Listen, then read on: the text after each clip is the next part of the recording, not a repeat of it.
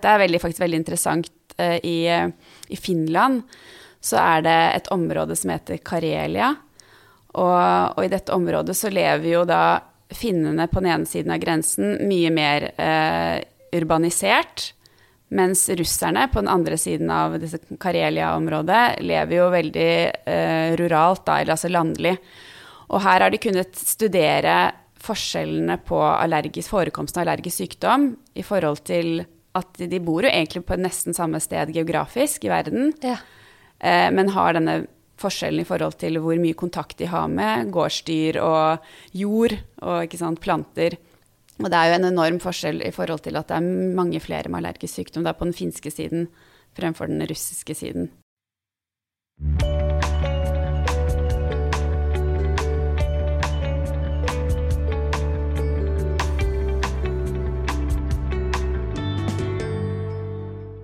Hjertelig velkommen til podkasten 'Leger om livet'. Jeg heter Anette, og i dag så er temaet hud en av mine favorittemaer. Og med meg eh, som gjest er jeg så heldig å ha hudlege Eva Maria Rebinder, som jobber ved mm, Rikshospitalet ved hudavdelinga. Og hun har tatt doktorgrad innenfor atopiske sykdommer og risikofaktorer for atopisk dermatitt, altså det vi også kaller eksem. Hun har eh, publisert sine funn i store, anerkjente tidsskrifter sånn som The Lancet, og høsta mange lovord innad i forskningsmiljøet.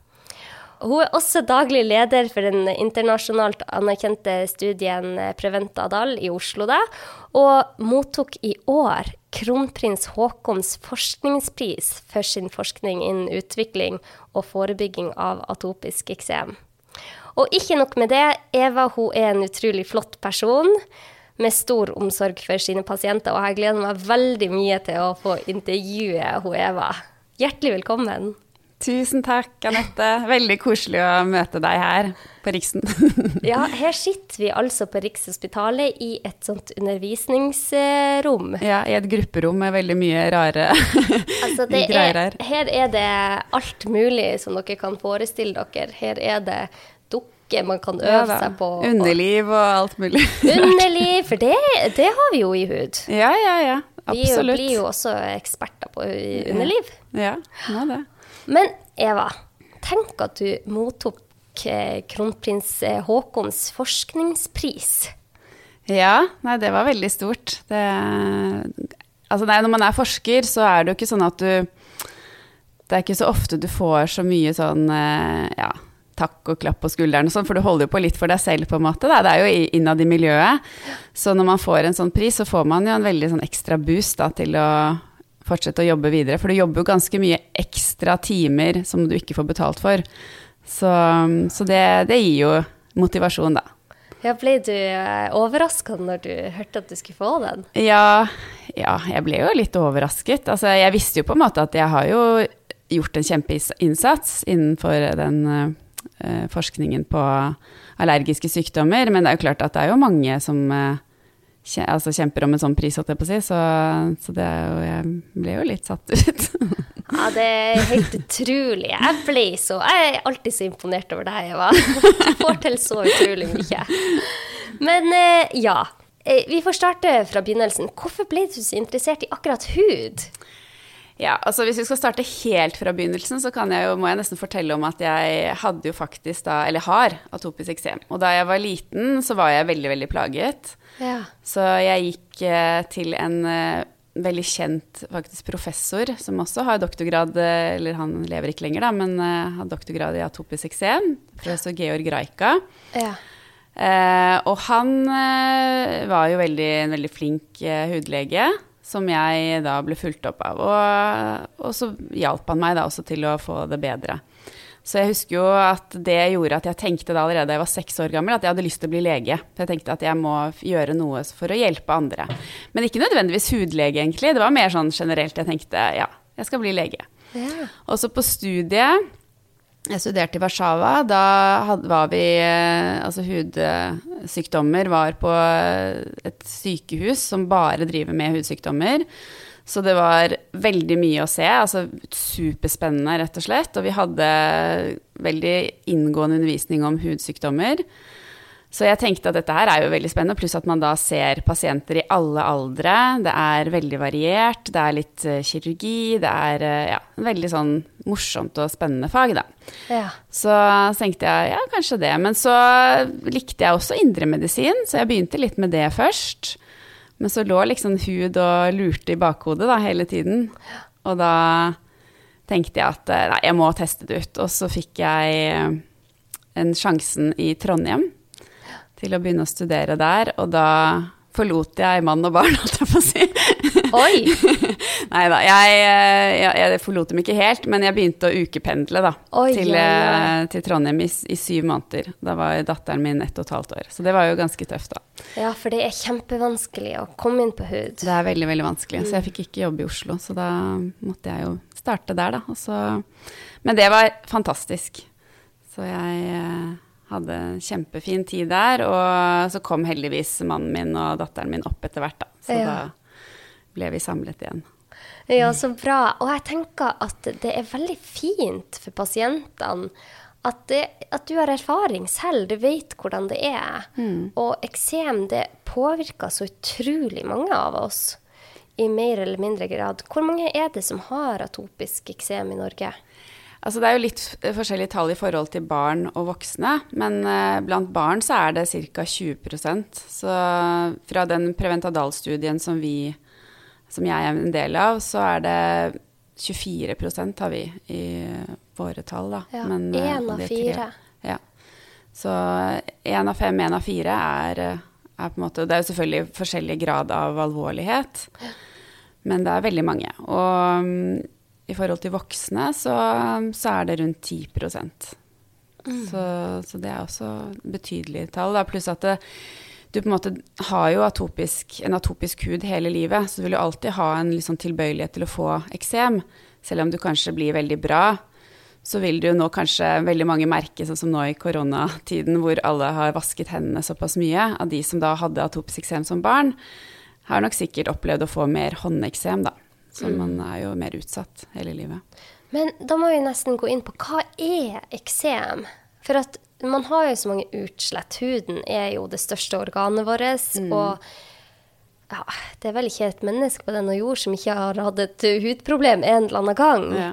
Men hva er forskjellen på eksem og alle disse andre utslettene mm. som kommer når du har en virusinfeksjon mm. eller ja, hvordan, hvordan, ser man forskjell? Ja, det er, det er, jo ikke så lett å se forskjell alltid med hud. Det er jo sånn noe man trenger litt erfaring med, gjerne. Så, så det vet jo veldig mange leger som ikke er hudleger, syns det er veldig vanskelig med utslett. Ja, det syns jeg òg når jeg var mm. fastlege. Jeg syns hud er ja. kjempevanskelig. Jeg syns jo fremdeles også det er vanskelig, så det er jo veldig sånn erfaringsbasert, da. Men sånn, det som i hvert fall kjennetegner eksemet, er jo at huden blir rød, og det kjenner jo til veldig mange andre utslett også. Men så er det noe med at du får gjerne et ganske tørr hud. Altså eksem er liksom forbundet med litt tørr hud. Ja. Så du får, fordi du får et økt vanntap gjennom huden, så det blir tørker enda mer. Og så vil du se litt flassing også. Det er ganske vanlig. Det er ikke så veldig voldsom flassing sånn som i psoriasis. Der har du mye mer, mye mer flassing. Ja. Mens det er litt sånn fin flassing. Og så er eksemet uskarpt avgrenset til normal hud. I psoriasis vil du se en veldig skarp avgrensning, f.eks. Ja. Så det er liksom vanskelig av og til å skille. Noen ganger vil det liksom ligge og ulme litt i huden, og du ser først utbruddet etter hvert. Så det er litt sånn, Og så kan det bli væske. Og det kan også være bitte små blemmer i en sånn akutt eksem. Det kan man også se, det er sånn klassisk for det akutte eksemet. Mens et kronisk eksem blir jo litt tørrere, gjerne, og da blir huden ofte litt mer fortykket, og du ser på en måte linjene i huden litt mer tydelig. Mm. Og det er en betennelsestilstand da, i huden, altså, eller en inflammasjon, som vi mm. kaller det. Så det er masse immunceller som er aktive og jobber på og lager denne betennelsen. Og når starta det? Når er det vanlig at eksem starter hos oss mennesker? Ja, altså Hvis vi snakker om da atopisk eksem, for det er jo viktig å skille på en måte atopisk eksem fra veldig mange andre eksemvarianter. Ja. Så Jeg går litt nærmere inn på det. Ja. Hva er forskjellen på atopisk eksem og alle de andre eksemvariantene? ja, atopisk eksem tilhører jo en gruppe atopiske sykdommer, eller allergiske sykdommer som det også kalles. Ja. Og det er jo disse sykdommene som da er atopisk eksem, og så er det astma, og så er det allergisk rinitt, da, eller høysnue, som vi også kaller det. Og så har man også for så vidt med matvareallergi inn i den, eh, disse allergiske sykdommene. Og det som er fellestrekk for disse allergiske eller atopiske sykdommene, det er at man har en tendens til å reagere på en måte på et vis allergisk på ting som egentlig man ikke trenger å reagere på. Så ja. du har en økt, ofte økt eh, produksjon av noe som kalles IGE-antistoffer, som gjør at man blir liksom ekstra på en måte Immunsystemet er liksom ekstra på alerten da, overfor ting som det ikke trenger å være på alerten overfor. Mm. Så immunforsvaret er på en måte litt mer trigga. Mm. Og, og, dette starta ofte ganske tidlig? Ja, det starter gjerne veldig tidlig. Det er, uh, ofte så vil det jo starte med det atopiske eksemet. Det er liksom det som måtte Eller matvareallergiene er jo ofte de som også kommer tidlig, sånn helt allerede i spedbarnsalder. Så vi ser jo at de med altså atopisk eksem, der er det jo sånn at uh, rundt 60% vil allerede få sitt første liksom, eksemutslett før fylte ett år. Ja. Mens uh, eh, 90 da innen fem femårsalder. Ja. Så tidlig i livet. Og det er jo helt tidlig i livet at hudbarrieren er som mest eh, på en måte sensitiv og skjør. Så det er jo ofte derfor vi ser gjerne dette utslettet såpass tidlig, da, dette eksemet. Mm. Mm. Ja. Og nå er vi inne på det. For det, du sa at det finnes mange andre typer eksem. Mm. Vi kan gå inn på det senere. Men det har jo økt ganske betydelig mm. de siste tiårene. Ja. Sånn atopiske sykdommene mm. som du var. Og da skal jeg bare oppsummere. Da var det allergiene, høysnue og astma mm. og eksem på huden, da. Mm. De går under en sånn egen mm. paraply, på en ja, måte. Det er det. Og disse har økt. Så har man én av de, så har man ofte noen andre av de. Mm. Eh, kan ikke man si det? Man kan, man kan absolutt si det. Også, også, sånn at hvis foreldrene dine har en eller annen allergisk sykdom, eller atopisk sykdom, så det jo, øker det også risikoen for at barnet får det. For det er veldig sånn sterk genetisk sammenheng der, da. Nettopp. Så, og det er også som man sier på en måte at eh, det er litt for å stille diagnosen atopisk eksem, så er et av kriteriene er jo faktisk om en i nær familie også har en av disse andre uh, atopiske sykdommene, da. Så på en måte uh, man, er det lettere å stille den diagnosen. Og så kjennetegn det også veldig viktig, da. Det er kløe. Altså dette her klør jo mm. gjerne veldig. Ja. Så, Men hvorfor øker det, Eva? Hvorfor øker det? Nei, altså det har jo faktisk vært eh, tegn på økning ganske lenge. Eh, allerede for 100 år siden så, så man allerede en økning da i eh, høysnue. Og ja. dette var, så man hos de fine fruene, at det var de som på en måte hadde mer og mer høysnue. Og de som da bodde kanskje mer sant, i byer, eh, var ikke så mye i kontakt med dyr. Eh, det var, rensligheten var høyere eh, blant disse. Og så etter hvert så har man da sett at de andre allergiske sykdommene også fulgte på med en voldsom økning i astma og atopisk eksem, da, og også matvareallergier. Mm. Så, men det har vært eh, altså allerede da Jeg tenker sånn tre, For 30-40 år siden så så man at det begynte virkelig å, å, blomstre voldsomt, dette her. Og har blitt en slags nesten pandemi, det også. Ja. så, eller epidemi, i hvert fall. Ja, når mm. så mange har det, mm. så er det jo Ja, det er kjempevanlig, rett og mm. slett. Men Så du sier at det har kanskje noe med renslighet å gjøre? ja, man lurer jo litt på det, da. For det er jo det som, hvis man skal liksom se på hva er det som har skjedd uh, med verden de siste 100 årene, så vet vi jo at vi har begynt å bo mer og mer i byer. Og vi er, uh, har en ja, en helt annen måte å vaske på, ikke sant. Og ikke være i kontakt med, med naturlige miljøet, da. På samme måte som man uh, hadde tidligere. Mm. Så man vasker seg jo mye mer. Man dusjer jo ekstremt mye. For mye? Ja. ja. Og ja, så det er, kan nok ha noe med det å gjøre. Pluss så tenker jeg også en annen ting som vi også vet, det er jo at vi er jo mer utsatt for miljøgifter enn det. Og selvfølgelig også forurensning, ikke sant. Det også er jo noe som har endret seg. Mm. Um, men, og disse miljøgiftene i plast, blant annet, og vet at dette, dette, er ting som vi ikke var så mye i kontakt med før, da. Ja. Så, så, det er jo Men det er jo ikke Man vet ikke sikkert om hva som spiller en større rolle. det gjør man ikke. Man vet i hvert fall at dette her med, eh, med mikrobene, som vi på en måte helst skal ha mye kontakt med, de har vi fått mindre og mindre kontakt med. Ja, bakterier, virus Bak ja. Mm. Eh, ja, og så har man jo sett da at Er det ikke sånn at jo eh, flere søsken de har, jo mindre risiko har de for å få disse ja. atopiske sykdommene? Ja. Så det, er, eh, det, kalles jo den hygienehypotesen. Det var jo noe som man fant også da på Det var Strahan, som en forsker fra England, ja. Som oppdaget da at uh, både Hvis du hadde store søskenflokker, så var det mindre allergisk sykdom ja. i disse her. Og spesielt da i forhold til høysnue, da. Ja. Så det er den hygienehypotesen. Men nå har den endret seg litt i at man kaller den diversitetshypotesen. Okay. Eh, hvor man da tenker at det har ikke bare med hygiene å gjøre. Nei. Det har også med på en måte nettopp disse her mikrobene, altså bakteriene og alt vi skal være, helst skal ha litt mer kontakt med i starten av livet, da, for å kunne, at immunforsvaret kan bli trent på en riktig måte. Så, så dette med å f.eks. vokse opp på en gård, ikke sant, er med på å beskytte deg fremfor hvis du vokser opp i en leilighet um, omgitt av asfalt. Og ja. dette er veldig, faktisk veldig interessant. Uh, i, uh, I, Finland så er det et område som heter Karelia. Og, og, i dette området så lever jo da finnene på den ene siden av grensen mye mer eh, urbanisert. Mens russerne på den andre siden av disse Karelia-området lever jo veldig eh, ruralt, da, eller altså landlig. Og her har de kunnet studere forskjellene på allergisk, forekomsten av allergisk sykdom i forhold til at de bor jo egentlig på nesten samme sted geografisk i verden, ja. eh, men har denne forskjellen i forhold til hvor mye kontakt de har med gårdsdyr og jord og sant, planter. Ja. Og det er jo en enorm forskjell i forhold til at det er mange flere med allergisk sykdom da på den finske siden fremfor den russiske siden. Så. Å, dette er så viktig mm. informasjon å komme ut med. Mm. Og jeg tenker bare hvordan er det nå?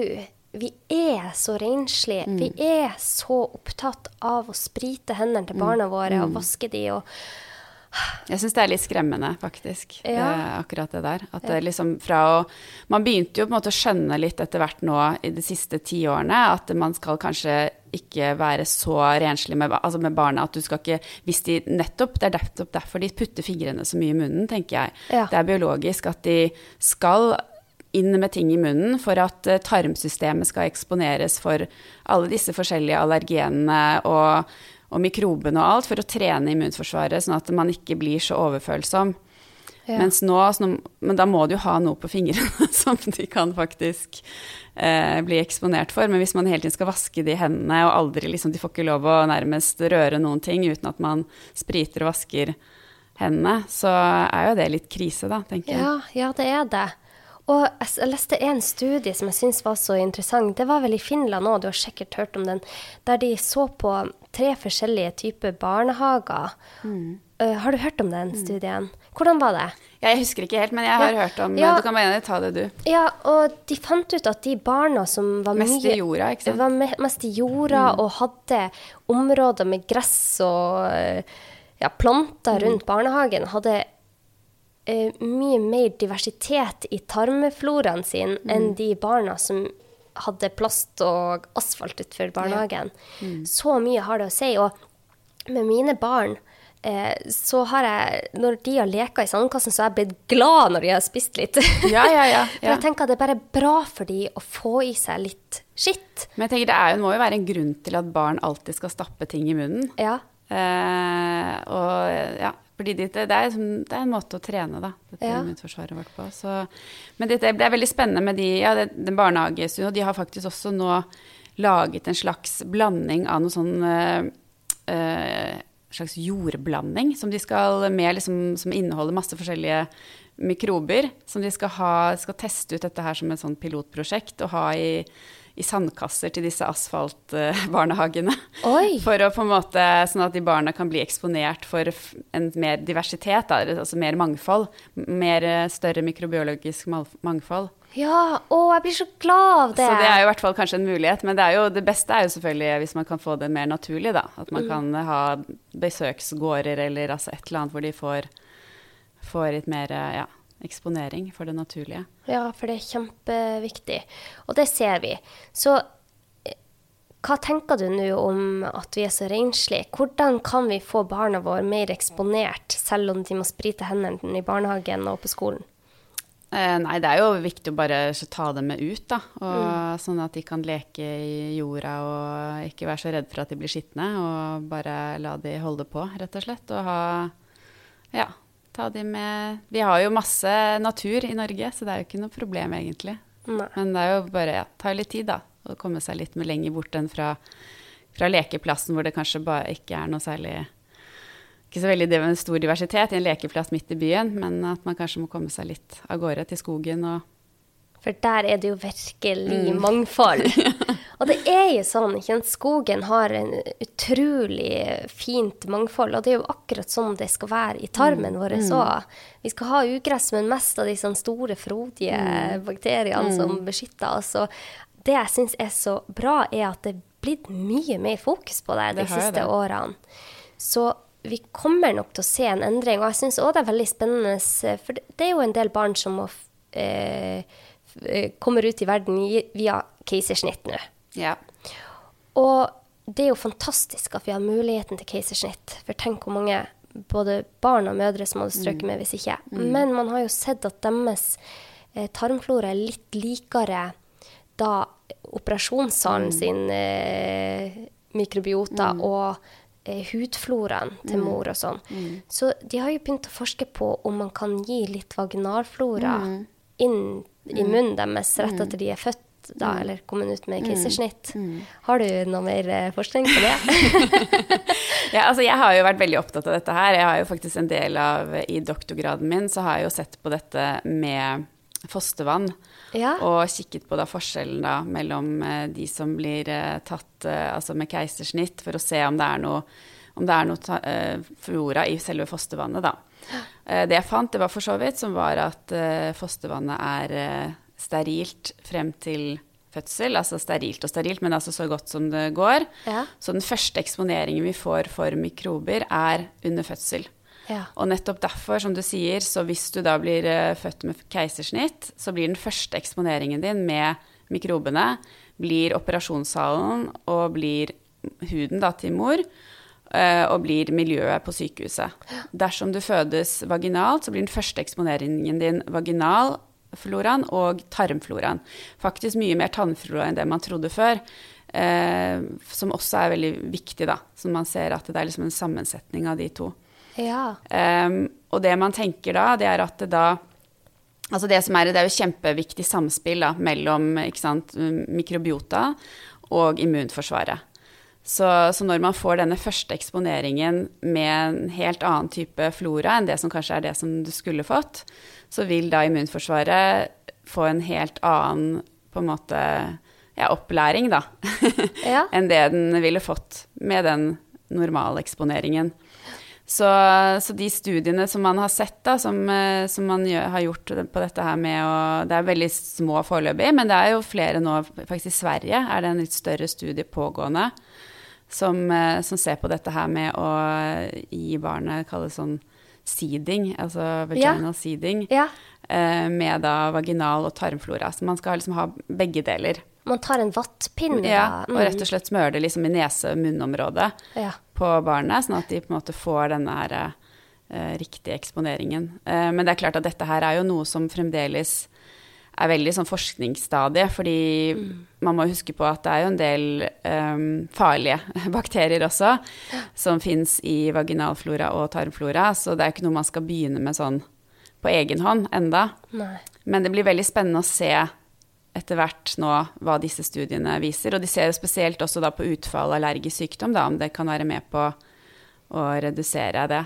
Det jeg fant i mitt uh, prosjekt, uh, eller doktorgradsprosjekt, det var at også at uh, hvis man ble født med elektivt keisersnitt, altså planlagt keisersnitt, hvor du da ikke har hatt noe rier, ikke sant, vannet har ikke gått ennå, altså du har ikke blitt altså, fosteret eller barnet har ikke blitt eksponert i det hele tatt da, for noe. For det er klart at Hvis du har et akutt keisersnitt, så vil du i starten av den fødselen kunne få litt eksponering for vaginalfloraen, i hvert fall. Ja. Men kanskje ikke så mye tarmfloraen. Nei. Men da så jeg eh, at det var litt økt forekomst av atopisk eksem hos de aller tidlig, helt tidlig i livet, med de som var født med elektiv keisersnitt. Ja. Men det, veldig, det, var veldig små tall, så det er jo fortsatt på en måte litt usikkert. Og dette med keisersnitt og allergisk sykdom, der er det ganske sånn sprikende funn, da. Man har sett uh, både økt forekomst og ikke økt med keisersnitt. Men med astma så ser man litt mer sånn klart at det er økt forekomst av astma ved, ved keisersnitt. Mm. Og så er det jo dette med morsmelk. Har, mm. Studerer man det i eh, Preventadal-studien? Ja, vi har, eh, vi, har, vi har, eh, absolutt data på det også. Vi har ikke sett så mye på det enda. Men, men det er jo klart at det, det, er ikke noe tvil om at morsmelk er viktig. Ja. Det som man kanskje før var veldig opptatt av, det var at man skulle amme, fullamme, frem til seks måneder. Der begynner den trenden å kanskje endre seg litt. Da. Så nå har vi noen Uh, en studie på dette her også. Dette ser om man kan forebygge allergisk sykdom med å introdusere matvarer, de aller, altså allergenene, altså de som gir oftest hyppigst allergi, da, tidlig, for å se om man kan forebygge matvareallergi. Så det har man jo sett i andre studier. Og at hvis man gir peanøtt f.eks. tidlig, så er det med på å forebygge peanøttallergi. Så det å liksom amme er jo viktig, men at man ikke skal vente for lenge med å introdusere normalkost. Uten ja. at det skal overta, selvfølgelig, for ammingen. Det er jo viktig, da. Og det syns jeg er veldig fascinerende. Nå skal ikke vi si at man skal gi en peanøtt til et barn. Det må Nei. være helt knust i ja. fine, fine biter, og ingen skal prøve dette uten ja, og heller, kan, Vi kan heller ikke begynne å anbefale at vi skal gi det enda. Nei, nei. Men jeg tror det viktigste budskapet her, det er at man trenger ikke være så redd for å gi ting. Nei. At uh, hvis barnet viser interesse for å smake, ja. så er det bare å la det smake på alt mulig, egentlig. Ja. Og det tenker jeg Jeg elsker å snakke evolusjonsmessig hvorfor mm. det er sånn som det er. Og jeg tenker at før i tida satt man ikke rundt bålet og så sa man å ja, nå er barnet mitt snart seks måneder, mm. nå kan vi mm. begynne å la det mm. smake Nei, på det. De, de fikk jo smake ja, ja. her og der. Altså, I hvert fall for meg så er det helt logisk. Men det kommer jo veldig an på barnet òg. En av mine barn han var jo bare, han ville spise alt fra han var to måneder mm. og var kjempeinteressert. Og den andre han, han ville nesten ikke smake på noe før han var åtte måneder. Så det mm. er jo selvfølgelig store variasjoner her. men dette blir så spennende å mm. følge med på. Ja, for det er veldig mye som skjer her. Og jeg husker jo godt da jeg, jeg var jo gravid eh, med min eldste i 2009, og da var det superstrengt med dette her med at man skulle fulle amme til seks måneder. Og min mann er jo hyperallergisk for alt mulig rart, ikke sant. Så jeg var jo så opptatt av at hun ikke skulle få i seg noe som helst annet enn morsmelk frem til seks måneder. Ja. Og jeg husker jeg strevde altså sånn, for hun begynte å bli så sulten. Ja.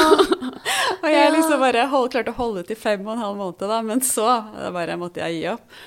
Men så, eh, på de tre årene, så begynte det liksom å bli litt sånn ja, det er kanskje ikke så farlig, til jeg ble gravid med nummer eh, to. Ja. Tre år etter, da, i 2013, eh, nei, 2012. Så da, da, var det plutselig ikke så farlig med at man uh, kunne godt gi litt grann, uh, litt tidligere. Så, så, det var en sånn periode hvor liksom, var veldig, man var så veldig opptatt av det, som egentlig ikke var dokumentert vitenskapelig. Nei. Som er litt interessant, faktisk. At man på en måte kom med sånne veldig strenge anbefalinger uten å ha veldig god dokumentasjon for det. Ja. Og nå har vi heller ikke god nok dokumentasjon til å si at man skal gi den og den matvaren da og da. Mm. Det vet vi ikke ennå. Men det vi har god nok dokumentasjon, det er at du kan i hvert fall ikke forebygge allergisk sykdom med å unngå eh, matvarer. Men det er kjempebra at det mm. kommer ut, for det mm. tenker jeg at sitter igjen hos ganske mange, at man ja. kan kanskje forebygge. Eh, men når vi er inne på allergier og sånn, det er jo en god del av disse med eksema mm. som også får allergier. Men ikke bare allergier, det er mye intoleranse som utegår. Hva er mm. forskjellen på en allergi og en intoleranse? Mm. Ja. Eh, altså Allergi er jo noe som, eh, som, kommer av Det kalles jo gjerne straksallergi. da, ikke sant? Altså Dette er jo noe som du får en sånn mer rask reaksjon på, og det er antistoffer, altså IGE, som er liksom den mediatoren da, for disse allergiene. Så dette her kan jo testes da enten ved å teste noe som kalles prikktest, hvor du da påfører allergenet på huden. Og du vil da se at det blir en sånn kvaddel etter at hvis man er allergisk. For da frigjøres histamin. Så det er jo det er på en måte en allergi. Eller så kan du ta blodprøver også, hvor du måler da eh, spesifikke IGE-antistoffer i blodet. Eh, og hvis de er økt for det allergenet, altså la oss si kumelkprotein, så, det, så, kan du da bekrefte en allergi. Det som er viktig å huske på, det er at du kan aldri skrine for allergier. Mm. Fordi du kan ha økte verdier, og du kan også ha falsk positiv prikktest eh, uten at du nødvendigvis er allergisk. Så det er ofte misforstått at, um, når pasienter kommer til oss, så kan de si at uh, å, jeg, må finne ut om jeg er allergisk mot noe. Ja. Og forventer at vi skal liksom bare ta et arsenal av prøver uh, for å teste da eh, hva de skulle være allergiske mot. Men det kan de ikke gjøre. Fordi du kan ha forhøyede sånne antistoffverdier uten at du er allergisk. Det kalles at du bare er sensibilisert. Altså du har en, rett og slett bare en litt forhøyet verdi. Fordi, kanskje fordi du har vært mer i kontakt med dette her, eller ja, forskjellige grunner til det, men det betyr ikke nødvendigvis at du er allergisk. At du tåler det helt fint og ikke tåler reagerer. det helt fint, du bare har en litt økt verdi. Ja. Så det er så utrolig viktig at man uh, må på en måte sette det i sammenheng med en allergisk reaksjon. Ja. Og det kommer en allergi, en allergisk reaksjon kommer vanligvis ganske raskt, som jeg sa. At det er straks, ikke sant. Så du kommer på en måte innen et par timer, maks. Mm. Gjerne før. Og ja. da vil det jo være mange forskjellige symptomer på en allergisk reaksjon. Men, eh, men, det jo, kan jo være fra huden eller fra slimhinner, ikke sant, eller At du blir eh, rød rundt munnen, ja. eller rød i huden, ja. eller begynner å hoste. Ja. Noen får jo veldig alvorlige Magetarm, ikke sant, vondt i magen. Altså.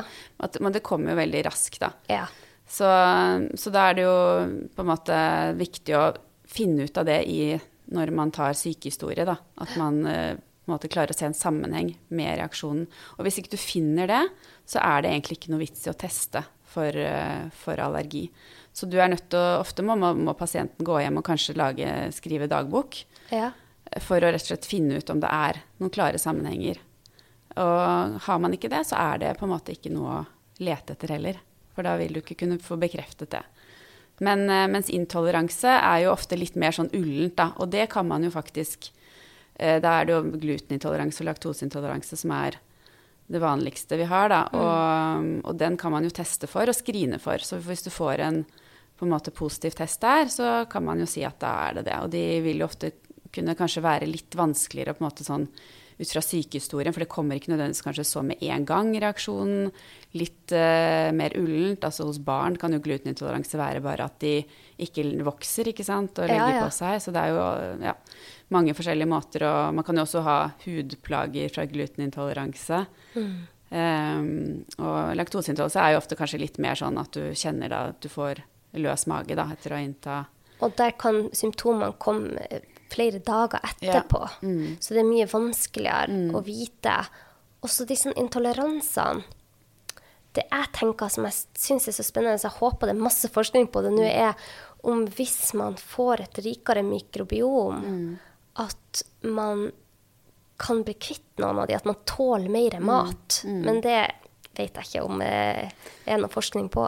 Nei, det, det, jo Du hadde jo snakket med én som hadde litt sånn i forhold til tarmtrøbbel, men, de, ja. men, i forhold til intoleranser så vet jeg faktisk ikke, altså. Men ja. det kan jo hende at du får flere bakterier som kanskje kan uh, håndtere eh, laktosen, da, eller eh, Ja, altså så, det, er, det, er, så ja. komplekst. Det er så utrolig mm. komplekst. Men det jeg i hvert fall kan si, er at det tenker jeg vi kan få lov å si, er at hvis du har en veldig eh, alvorlig eksem, f.eks., mm. så er det ikke noe galt i å prøve tre uker, f.eks., uten en av disse matvarene som du har merka at du reagerer litt på. Mm. Prøv tre uker uten. Mm. Er tre uker nok? Mm. Altså, jeg tror Jeg er litt opptatt av at enig i det, men jeg syns det er viktig at man gjør det i samråd med lege. Ja. Enig. Så, Enig. Så, og med dagbok, sånn som du sa. For ja, at det er så utrolig ja, komplekst. Ja, fordi du, du, husker ikke heller, ikke sant. Sånn at mm. du er nødt til å Og så er det noe med at hvis du har et mye atopisk eksem, da, mm. eller barnet ditt har det, mm. så er det nummer én er jo å finne ut om man får riktig behandling. Ikke sant? For hvis, eh, fordi de aller fleste med atopisk eksem har jo ikke allergi. Nettopp. De aller fleste har jo kun atopisk eksem, og, og, det er ikke drevet av en allergi. Mm. Men de med selvfølgelig mest alvorlige, der øker jo risikoen betydelig for at man kanskje har en matvareallergi mm. i tillegg. Mm. Men det, det, som er så utrolig viktig, det er at vi ser at gang på gang at det er eh, veldig mange barn og voksne som er underbehandlet. Mm. Eh, og det, det, er jo mange grunner til det, fordi de ikke har fått god nok rett og slett uh, informasjon om hvordan de skal behandle seg. Kanskje fordi de er redde for kortisonkremer, mm. som man uh, ikke skal være redd for, rett og slett. For det er jo det som hjelper huden til å dempe den betennelsen. Uten kortisonkremene så får du ikke dempet betennelsen. Og da får du bare sår, og det blir mer bakterier, og det blir mer kløe. Så man må bruke dette for å roe det ned. Det blir en dårlig syklus, rett og slett. Og du kan få det ned ganske fort ja. ved hjelp. Og er, du bruker ikke de sterkeste på barn, ikke sant? Du bruker nei, nei, milde kortisonkremer. Man har jo så mye erfaring med det nå i liksom 40-50 år, så man vet jo veldig godt hvordan man skal bruke disse kremene uten at det får bivirkninger. Ja. Så, så det er veldig viktig å finne ut om behandlingen er riktig. Det er nummer én. Hvis man etter dette står igjen med et eksem som er vanskelig å behandle, altså et behandlingsresistent eksem, mm. så må man begynne å tenke er det noe, kanskje noe allergi da, som kan være med på, eller er det andre triggere som er med på å både drive dette videre. Mm.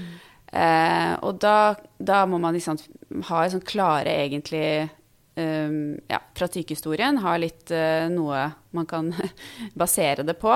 Ja. Men av og til så tar vi jo prøver på de vanligste allergenene hos barna uh, hvis de har et veldig behandlingsresistent atopisk eksem. Så det er ja. ikke sånn at det ikke gjøres, men dette gjøres av uh, gjerne barneleger sant, som ja. har greie på det. Fordi det å, skal, det å gjøre allergiutredning, det er ganske vanskelig.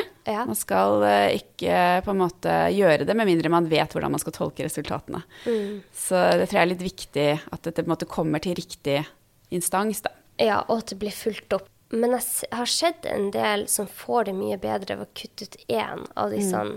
allergenene, mm. selv om de ikke har slått ut. Mm.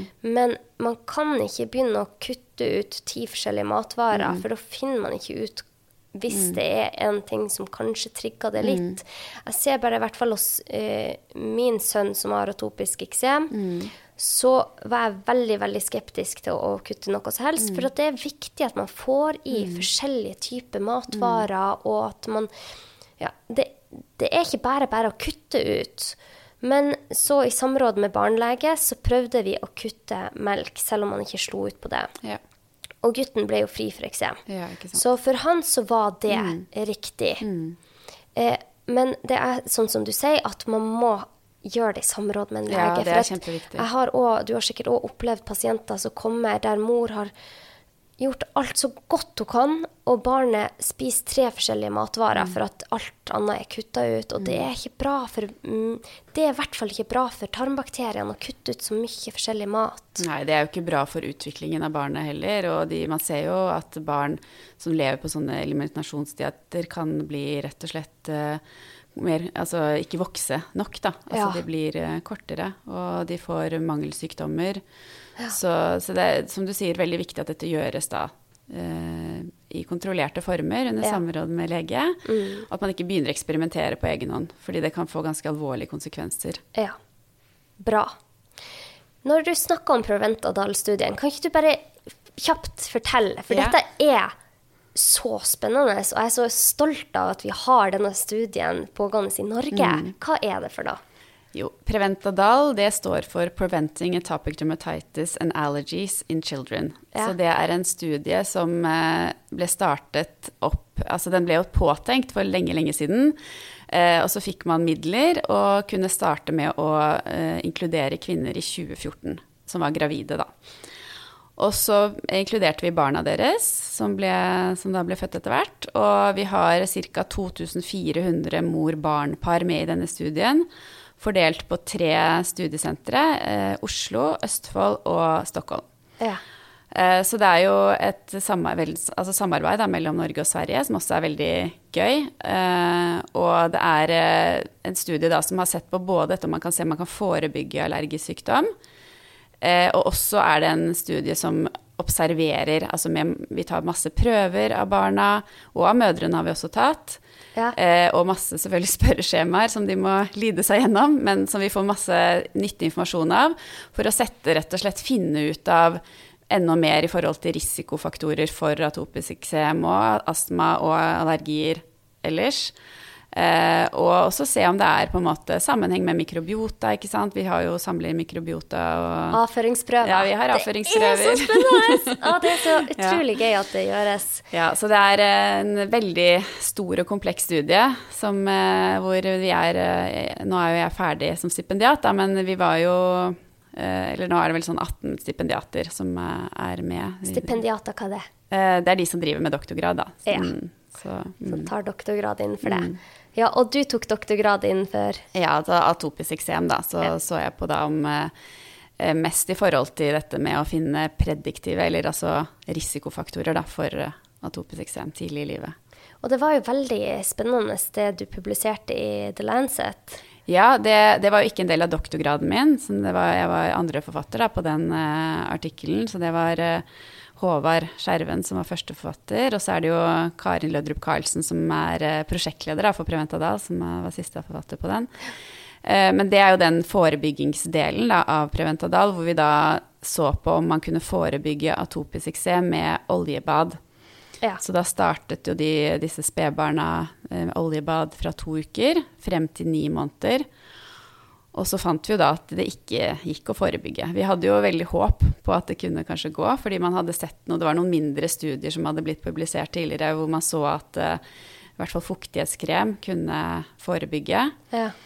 Men verken denne, altså vår studie, som er en stor studie, den største på egentlig på, på da forebygging med, med fukt, eller fuktbehandling, og en annen eh, engelsk studie som heter BEEP-studien. Ja. De så på da med smøre med fuktighetskrem. De klarte heller ikke å finne at uh, man kunne forebygge atopisk eksem med fuktighetskrem. Men jeg tenker at dette er kjempeviktige resultater å mm. få ut, fordi det, det, viser jo da at barn kan slippe å smøre seg selv om de har foreldre med atopisk mm. eksem, f.eks. For, mm. for det er ikke sikkert at de får det uansett, og det er ingen grunn til å smøre dem før de eventuelt har behov for det. Helt klart. Så det var veldig viktige resultater. Det var veldig viktig, fordi man begynte jo allerede med de bitte små studiene, på en måte. Og det er nettopp derfor det er så viktig å gjøre store, randomiserte, kontrollerte studier. Ja. Og man kan ikke gi liksom, klare råd før man har, har, gjort det, da.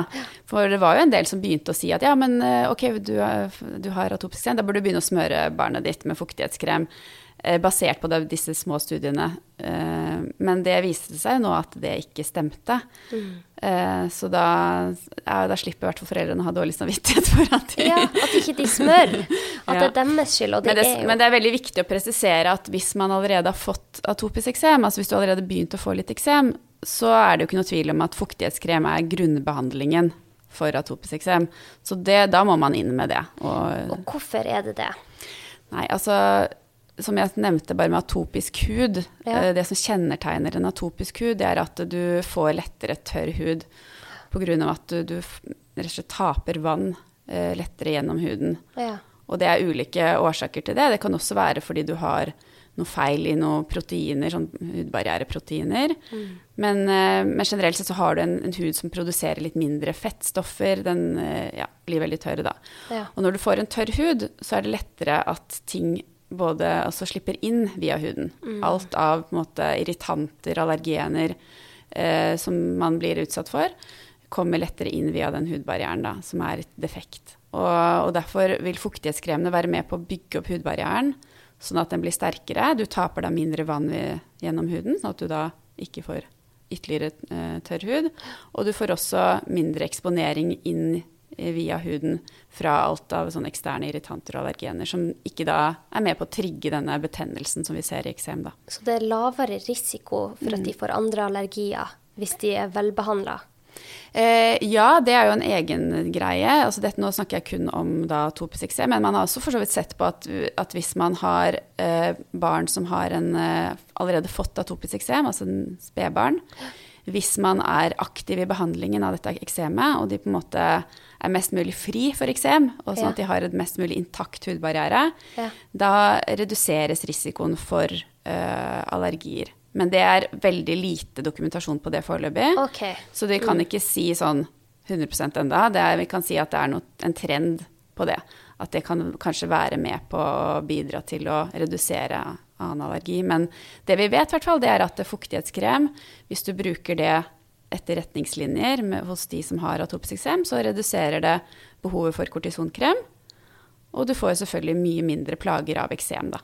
Ja. Så det er veldig viktig å ha det for vi har jo snakka om dette med søvn i Jeg elsker å snakke om mm. søvn. Og fordi både voksne og barn er plaga mm. med eksem, de klør og klør mm. og klør. Og hvis man er underbehandla, mm. så ofte ligger de og klør på natta. Men de våkner ikke ordentlig, men de mm. ligger og klør. Og jeg tenker da, det vet jeg ikke om det er noe studie på, for det har jeg ikke funnet, men at de ikke kommer i den dypeste søvna som de skal komme i fordi de har så ubehag i huden. Så det er kjempeviktig for dem med søvn, og alt har jo en sammenheng her, at de da kan få lov å sove godt når de mm. får, blir behandla på en mm. bra måte. Og det man ser, er at det kan gå lang tid mellom hvert oppbluss hvis de får en god behandling mm. fra starten. Så jeg er bare opptatt av at vi sier dette fordi det er så mange som er redd for å smøre barna sine. Og jeg forstår det, eh, den frykten der, men det betyr ikke at de skal bli smurt dag ut og dag inn i årevis. Mm. For enkelte så hjelper det i en periode, mm. og så blir huden kjempefin. Mm. Ja, og det er veldig viktig det du sier, at uh, livskvaliteten blir veldig påvirket av, uh, av et sånt atopisk eksem som klør. Mm. Og det er jo ikke bare for barnet, det er jo hele familien blir jo påvirket av dette her. Mm. Sånn at uh, så det er utrolig viktig å få god informasjon om riktig behandling, fordi man kan få det så mye bedre hvis man behandler eksemet og den tørre huden med nok, nok kremer, og, og, at man på en måte prøver å forebygge den, klø, den onde klø-klore-sirkelen. Ja. Så, så er, man ser jo at de med atopisk eksem har en så betydelig redusert livskvalitet på linje med andre veldig alvorlige kroniske sykdommer. Så selv om den ikke er dødelig, så påvirker den livet noe helt enormt for de det gjelder. Ja. Så, og det går jo selvfølgelig utover skolegang, ikke sant, og mm. jobb og det som er. Så, og det er jo også sosialt, på en måte, det å på en måte ha f.eks. mye eksem på hender og ansikt. Det er jo også å gå utover psyken fordi du ikke vil vise deg, eller Det er jo ja, mange aspekter ved det. Klart det. Så hvis man har eksem, Finn en god eh, lege som hjelper deg å få den rette behandlinga. Mm. Hvis du ikke har eksem, Eva, mm. hvordan skal vi på best mulig måte ta vare på huden vår? ja, Det er det som er litt morsomt å spørre en hudlege om noe som, om eh, noe som ikke er noe sykdom. Vi er litt opptatt av hudsykdommer. Men uh, nei, altså jeg tenker uh, generelt sett så, så er jo en huden er jo Når den er frisk, så trenger man jo ikke å gjøre så veldig mye med den, egentlig. Altså det er jo Jeg tror at det, det vi snakket om litt innledningsvis, da, at med all den vaskingen vi holder på med, det tror jeg ikke er så heldig for huden. Fordi huden produserer jo naturlige fettstoffer selv. Og når vi vasker med såper og masse vann som tørker ut huden, så vil jo de fettstoffene ikke ha sjanse til å på en måte produseres igjen da, før man mm. blir tørr og ødelegger huden. Så jeg tror å redusere dusjing og vasking eh, tror jeg er en fordel. At man eh, tar det til et, ned til et minimum. Ja, og der er det jo store variasjoner mm. på hva som er lite eller mye ja. dusjing. I mm. Australia så dusjer 80% av befolkninga, tror jeg. Åh, nå husker jeg ikke de tallene. Jeg tror, det kan ikke jeg jeg tror de dusjer daglig. 80% dusjer daglig i ja. Australia. Jeg klipper dette bort hvis det ikke stemmer. Og Eh, mens i Kina så halvparten dusjer bare to dager i uka. Ikke sant. Så det er store eh, variasjoner. Og huden vår er jo så fantastisk fordi mm. at den trenger ikke å bli pleia og skrubba mm. og såpa inn, mm. fordi den klarer seg veldig mm. godt selv. Mm. Så jeg pleier å anbefale alle mine pasienter og de rundt meg at bare vask deg. Bare dusje med såpe der det lukter. Mm. Og underlivet ditt er selvrensende. Yes. Der skal du ikke ha såpe. Det mm. er veldig Helt irriterende enig. for mm. slimhinnene. Vi har jo veldig mange pasienter som kommer med veldig store plager fra underlivet. Ja. Og det første rådet vi gir, er jo nettopp kutt ut alt av såper. Ikke bruk intimsåpe. Ikke noe sånt. Du trenger det ikke. Det er bare vann som gjelder. Altså, Åh, jeg skjønner ikke disse intimsåpene, at de er blitt så Nei, populære. ikke heller. Og at det skal lukte så innmari parfyme fra underlivet, liksom. Ja. Hva er det for noe? Det er jo det mest irriterende som kan være Ja. på huden. ja. Så der er du inne på noe. Alt av parfymerte Mm, produkter. bort. Mm. Få det bort! Du trenger ikke det. Det skal være enklest mulig. Minst mulig ingrediensliste. altså kortest mulig ingrediensliste. Ja. Så enklest mulig, tenker jeg. Og så er det sånn at eh, hvis du har tendenser til tørr hud, da må du kanskje ha litt ekstra fukt. ja.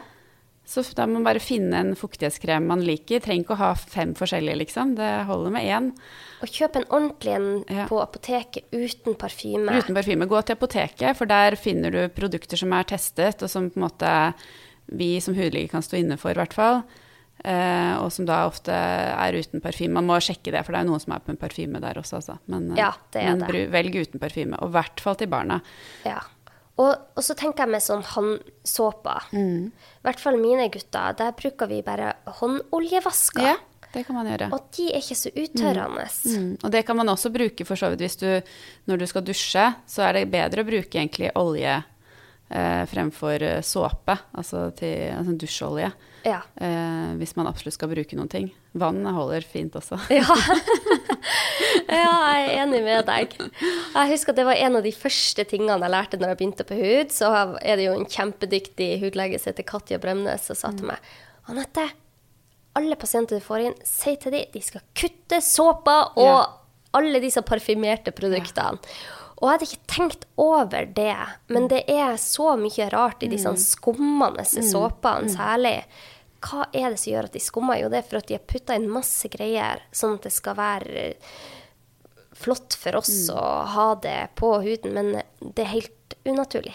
Og du kan jo tenke deg hvis du da setter i gang eh, og skal ha daglig bading av babyen din med noen sånne skummende greier Ja. og holder på med såper og Den stakkars huden som egentlig i utgangspunktet er ganske skjør, Ja. får jo kjørt seg så hardt. Det er jo ikke rart de får eksem, for å si det sånn.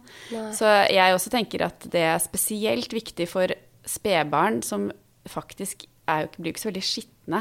Altså de, selvfølgelig må man vaske mot uh, tiss og bæsj, ikke sant? Og, Ja. men, uh, og på en måte matrest, eller sånn hvis de har mye under valkene, så er det greit å få bort det så ikke det ligger og irriterer. Men ellers så trenger jo ikke de å bades hver dag. Det er jo helt unødvendig. Mm. Det er jo Redusere det til et minimum, tenker jeg. Og det er jo det som mange tenker at ja, men jeg bare bader i vann, men vann er også uttørrende. Det som skjer, det er at vannet trekkes inn i de hudkeratinocyttene, som er uh, hudcellene. Så de svulmer opp. Uh, og så når du da uh, går, ut, går bort fra vannet, så vil de bare rett og slett fordampe altså enda mer, og så blir det bare eh, veldig mye tørrere. Så vannet i seg selv tørker huden ut. Så hvis man skal ha noe effekt av vannet, på en måte, hvis du bader, så er det viktig å smøre seg da med en fuktighetskrem rett etterpå. Altså, Nå snakker jeg om de som har atopisk eksem, da, som eh, må smøre seg. Ja, Så hvis de er i kontakt med vann, så må de smøre seg med en gang etter at de har vært i kontakt med vann. for å holde For inne. å holde inne det vannet. Hvis ikke så bare fordamper det og gjør, legger igjen huden enda tørrere. Men hvis man skal bade, da? Mm. Eh, Sånne oljebad. Ja. Hva du sier om de? Nei, altså eh, Det er egentlig ikke godt nok dokumentert at det fungerer så veldig godt, altså. Så, eh, så vi bruker jo det mye fra hudavdelingen, og at vi sier at hvis man skal, først skal bade, at man kan ha litt olje i vannet, fordi da blir det, legger det seg som en liksom sånn litt film og beskytter huden på et vis. Men, men om det har noe for seg eller ikke, det vet jeg faktisk ikke helt. Fordi det er ikke gjort så store studier på det. Så, så jeg har ikke så mye å si om det. Jeg tenker at det er jo ikke, skader jo ikke uh, å ha litt olje i vannet, men, uh, men det betyr ikke at det på en måte er eh, Fasiten. fasiten, nei. Og i hvert fall ikke bruk de der oljene med parfyme i. Nei, ikke det. Og også sier man, eh, med tanke på det, det finnes så mange oljer, også sånn matvareoljer og sånn, Ja. det er nok heller ikke så heldig å bruke på eh, Altså få det på huden. Fordi det trenger det inn via huden, og da kan det heller kanskje fremme en allergi fremfor toleranse. For man tenker seg i hvert fall sånn helt rent hypotetisk at de første eksponeringen for allergenene helst skal komme via mage-tarm, og ikke via huden, da. Ja, nettopp. Det er også så spennende. Men det, ja, det er ikke sånn 100 det heller. så bra. Så egentlig så er det enkelt. Ja, det er egentlig ganske enkelt. Dusje så sjelden som mulig. Ja. Uten Du skal ikke gå rundt og lukte. Nei det, da, det skal alle. du slippe. Ja. Men eh, Og så trenger Det går an å vaske seg med klut ikke sant? på de områdene som eh, hvor man svetter litt. Ja, men av og til så bare må man dusje. Og jeg jo, jo, absolutt. Ja. og jeg dusjer jo, jeg òg, men jeg prøver å, å, minimere det, for at jeg vet at det, huden min trenger ikke så mye varmt vann. Særlig det varme vannet. Ja, det varme vannet er jo ganske heftig. Og hvis du har også en sterk stråle i tillegg, det blir jo sånn skikkelig sånn sterk, varm stråle. ja, ja, ja. Kanskje det er bra med de der kuldebadene som er så populære nå? jeg vet ikke. Det høres veldig voldsomt ut, det ja. uff og uff. Nei, men så bra, Eva. Dette er så spennende. Vi kunne snakka i evig tid, ja. men nå har timen gått, og eh, vi må runde av. Har du et siste råd til alle lytterne våre som har eh, hud? Ja, eh, ikke bli solbrent. ikke bli solbrent. Ja. Og da er det jo eh, Da må jeg bare si Nå, ikke, nå går vi ikke inn i den tiden nå, da, men det, men det er jo alltid nyttig å si.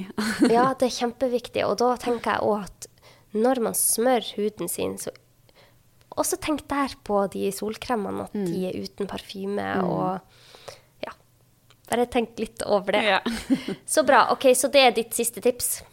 Ja, altså det er jo sikkert mange tips man kunne kommet med, men vi, får, vi kan avslutte med det. Tusen hjertelig takk for at du ble med, Eva. Det er så artig å snakke med deg, og jeg heier sånn på alle dine prosjekt. Jeg vet at du kommer til å finne ut masse spennende framover også. I like måte, Anette. Utrolig hyggelig å prate med deg også. Heier på deg òg. takk. Da sier vi takk for oss. Ha en kjempefin dag, og hvis dere vil spørre hun Eva eller meg om noen spørsmål, bare skriv det under på Instagram eller Facebook under episoden. Og eh, ja, ellers bare trykk abonner hvis du liker denne podkasten. Ha det godt!